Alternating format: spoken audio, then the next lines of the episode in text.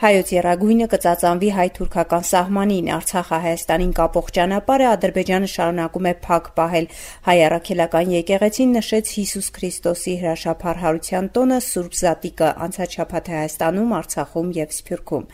ԵՀԿ գործող նախագահ Հյուսիսային Մակեդոնիայի արտաքին գործերի նախարար Բուջար Օսմանին ապրիլի 10-ից 13-ը կայցելի Վրաստան, Ադրբեջան եւ Հայաստան։ Այցի նպատակը ԵՀԿ-ի եւ Վրաստանի, Ադրբեջանի եւ Հայաստանի միջև համագործակցության ամրապ ամրապնդման, անվտանգության արկա մարտահրավերների լուծման եւ Հարավային Կովկասի տարածաշրջանում երկխոսության միջոցով խաղաղության եւ կայունության խթանումն է։ Հայ-թուրքական սահմանին Խարկով գյուղում հայոց նոր եռագույնն է տեղադրվել Շիրակի մարզպետ Մուշեղ Մուրադյանի նախաձեռնությամբ։ Հայկական դրոշը միշտ պետք է ծածանվի սահմանին վերահաստատելով հայ ժողովրդի անսասանությունն ու կամքը դժվարությունների առաջ չընկրկելն ու հայրենասիրությունը նշել է Շիրակի մարզպետը։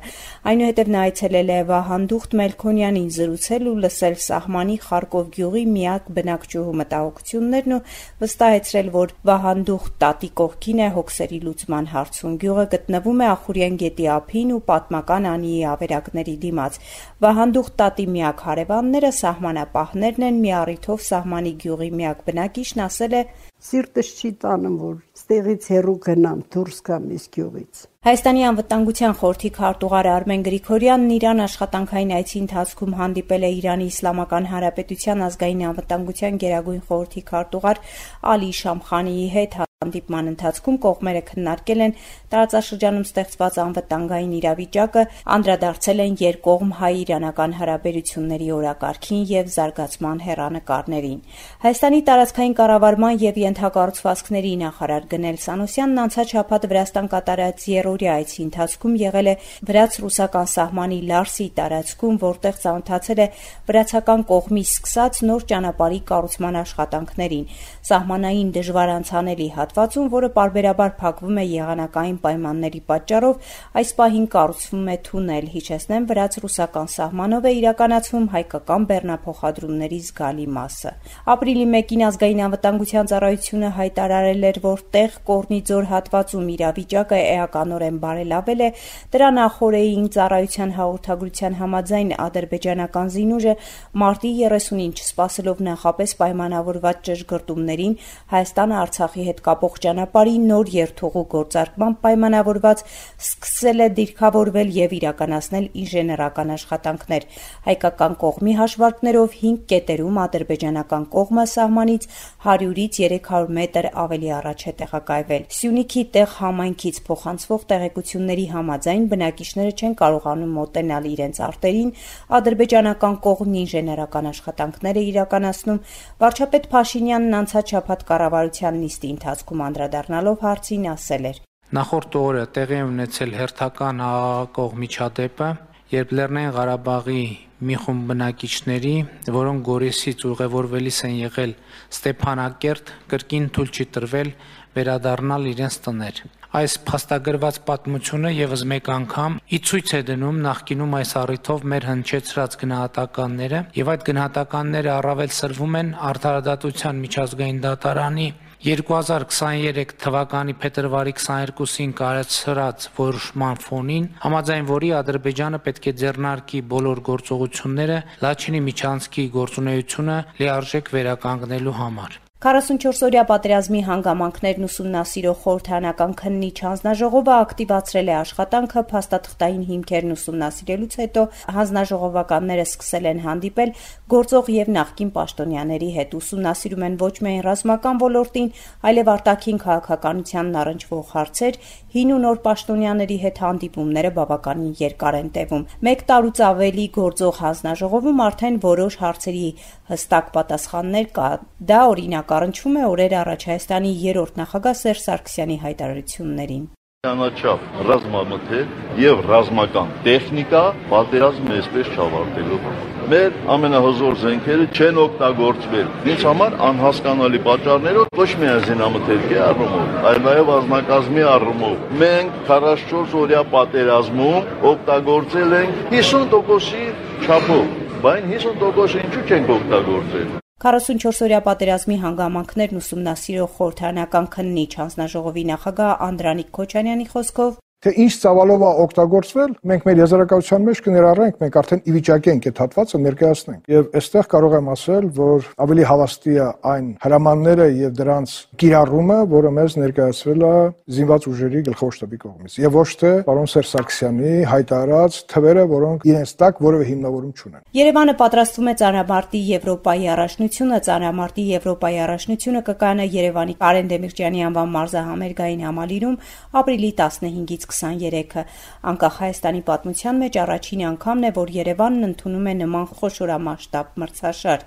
Հայ ռաքելական եկեղեցին նշեց հնագույն եւ գլխավոր 5 տաղավար տոններից մեկը հրաշափառ հարության տոնը Զատիկը այս տարի ապրիլի 9-ին։ Արցախ անցած շաբաթ Հայաստանի վարչապետ Նիկոլ Փաշինյանը անդրադարձավ Արցախը Հայաստանին կապող ճանապարհի Լաչինի միջանցքի փակման հետևանքով առաջացած խնդիրներին ընդգծելով. Ի հեճուկս բոլոր դժվարությունների Հայաստանի Հանրապետության կառավարությունը անհոգնել վերահաստատում է իր հավատարմությունը խաղաղության օրակարգին։ Արցախի արտաքին գործերի նախարարությունը հայտարարություն է տարածել Ադրբեջանի կողմից Արցախի քաղաքացիների վերադարձը խոչընդոտելու կապակցությամբ ապրիլի 4-ին տեղի է ունեցել Արցախի քաղաքացիների իրավունքների հերթական կոպտագույն խախտումը, որն ի ցույց է դնում Արցախի ավելի քան 110 օր լիակատար շրջափակման մեջ պահող Ադրբեջանի իրական նպատակները։ Ադրբեջանական կողմը հրաժարվել է թույլ տալ Լաչինի միջանցքով անցնել Ռուսաստանի խաղաղապահ զորակազմի ավտոմեքենաներին, որոնք տեղա տեղափոխում էին շրջափակման հետևանքով Հայաստանում մնացած եւ իրենց ընտանիքների հետ վերամիավորվելու հնարավորությունից զրկված Արցախի քաղաքացիներին։ Շրջափակման ընթացքում Արցախի տնտեսությանը հասցվել է շուրջ 220 միլիոն դոլարի վնաս։ Արցախի նախագահի խորհրդական Դավիթ Բաբայանը նկատում է, որ ադրբեջանական կողմի սադրանքը ապտակ էր նաև Ռուսաստանին, քանի որ նախապես պայմանավորվածություն եղել էր տեղափոխման հարցով ի վերջո խաղաղապահները հասկացանք մանդատ չունեն, մենք միշտ ասում ենք, բայց կան նաև որոշ գծեր, որոնք որևէ մեկը իրավունք չունի խախտել։ Բայց Ադրբեջանի համար ինչ պայմանավորվածություն, ինչ նախապես, ինչ օրենք, ինչ նորմաներ տեղի ունեցել մի սարսափելի, զզվելի մարդու իրավունքների նկատմամբ ռասայական եւ ազգային խտրականության դրսեւորում պետության կողմից իրականացված ակցիան, իսկ սա պետության կողմից է իրականացվում։ Անձամբ ղեկավարությունից է նման հրահանգներ տրվում։ Սփյուռք. Սփյուռքի հանձնակատարի գրասենյակի Իգոր ծրագիրը, որի նպատակը հայրենադարձությունն է, ավարտել է հայտերի ընդունումը։ Իգոր ծրագրի պատասխանատու Աննա Մհերյանը նշել է, որ արդեն 3 տարի գոյություն ունեցող ծրագրի շարունակականությունը եւ հայտերի առատությունը վկայում է ծրագրի հաջողության մասին ասեմ, որ արդեն 2020 թվականից ի վեր Սփյուռքի հանձնակատարի գրասենյակը իրականացնում է Իգոր ծրագիրը, որը նպատակաուղված է Սփյուռքի բարձրակարգ մասնագետներին բերել Հայաստան, որպիսի նրանք կիսվեն իրենց փորձով կատարել ուսումնասիրություններ։ Կարծում եմ հաջողել ենք։ Առաջի տարին ունեցել ենք բացառիկ թիվ 850 հայտ, Իսրայելում Թուրքիայի դեսպանը բողոքել է Հայֆայում հրապարակներից մեկը հայոց ցեղասպանության զոհերի հիշատակին անվանակոչելու դեմ։ Իսրայելի հյուսիսային քաղաքը, որտեղ ապրում են բազմաթիվ էթնիկ հայեր, երկրի առաջին համայնքն է, որն այս կերպ ճանաչում է առաջին համաշխարհային պատերազմի վայրագությունները։ Անվանափոխությունն ուժի մեջ է մտել մարտի 20-ից գրում է The Times of Israel-ը թուրք դեսպանը իր նամակում քաղաքապետից պահանջել է չեղարկել հրապարակի անվանակոչմամբ ցեղասպանությունը ողջեկոչելու որոշումը եւ կրկնել է Թուրքիայի մերժողական դիրքորոշումը նշելով, որ նման ցեղասպանություն թուրք ազգի պատմության մեջ երբեք չի եղել։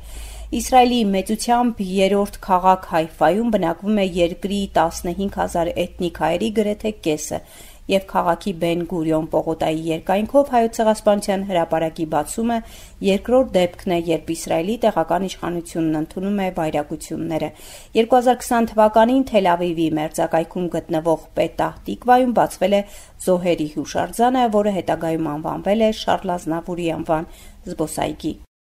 Սան Դիեգոն ապրիլի 24-ը հայտարարել է հայոց ցեղասպանության հիշատակի օր։ Սան Դիեգոյի շրջանային վերահսկիչ խորհուրդը ապրիլի 4-ին միաձայն ընդունել է հռչակագիր 2023 թվականի ապրիլի 24-ը հայտարարելով հայոց ցեղասպանության հիշատակի օր։ Հռչակման արարողությունը վարում էր Սան Դիեգոյի շրջանային տեսուչ Ջոլ Անդերսոնը խորհրդի նախագահ Նորա Վագասի հետ միասին միջոցառմանը ելույթ են ունեցել նաև Սուրբ Սարգիս հայկական եկեղեցու հովի վերապատվելի Բագրատ Բերջեկյանը, համայնքի ակտիվիստներ եւ այլք։ Սան Դիեգոյի հայ համայնքը նույնպես ողջունել է վերահսկիչ խորհրդի այս նախաձեռնությունը։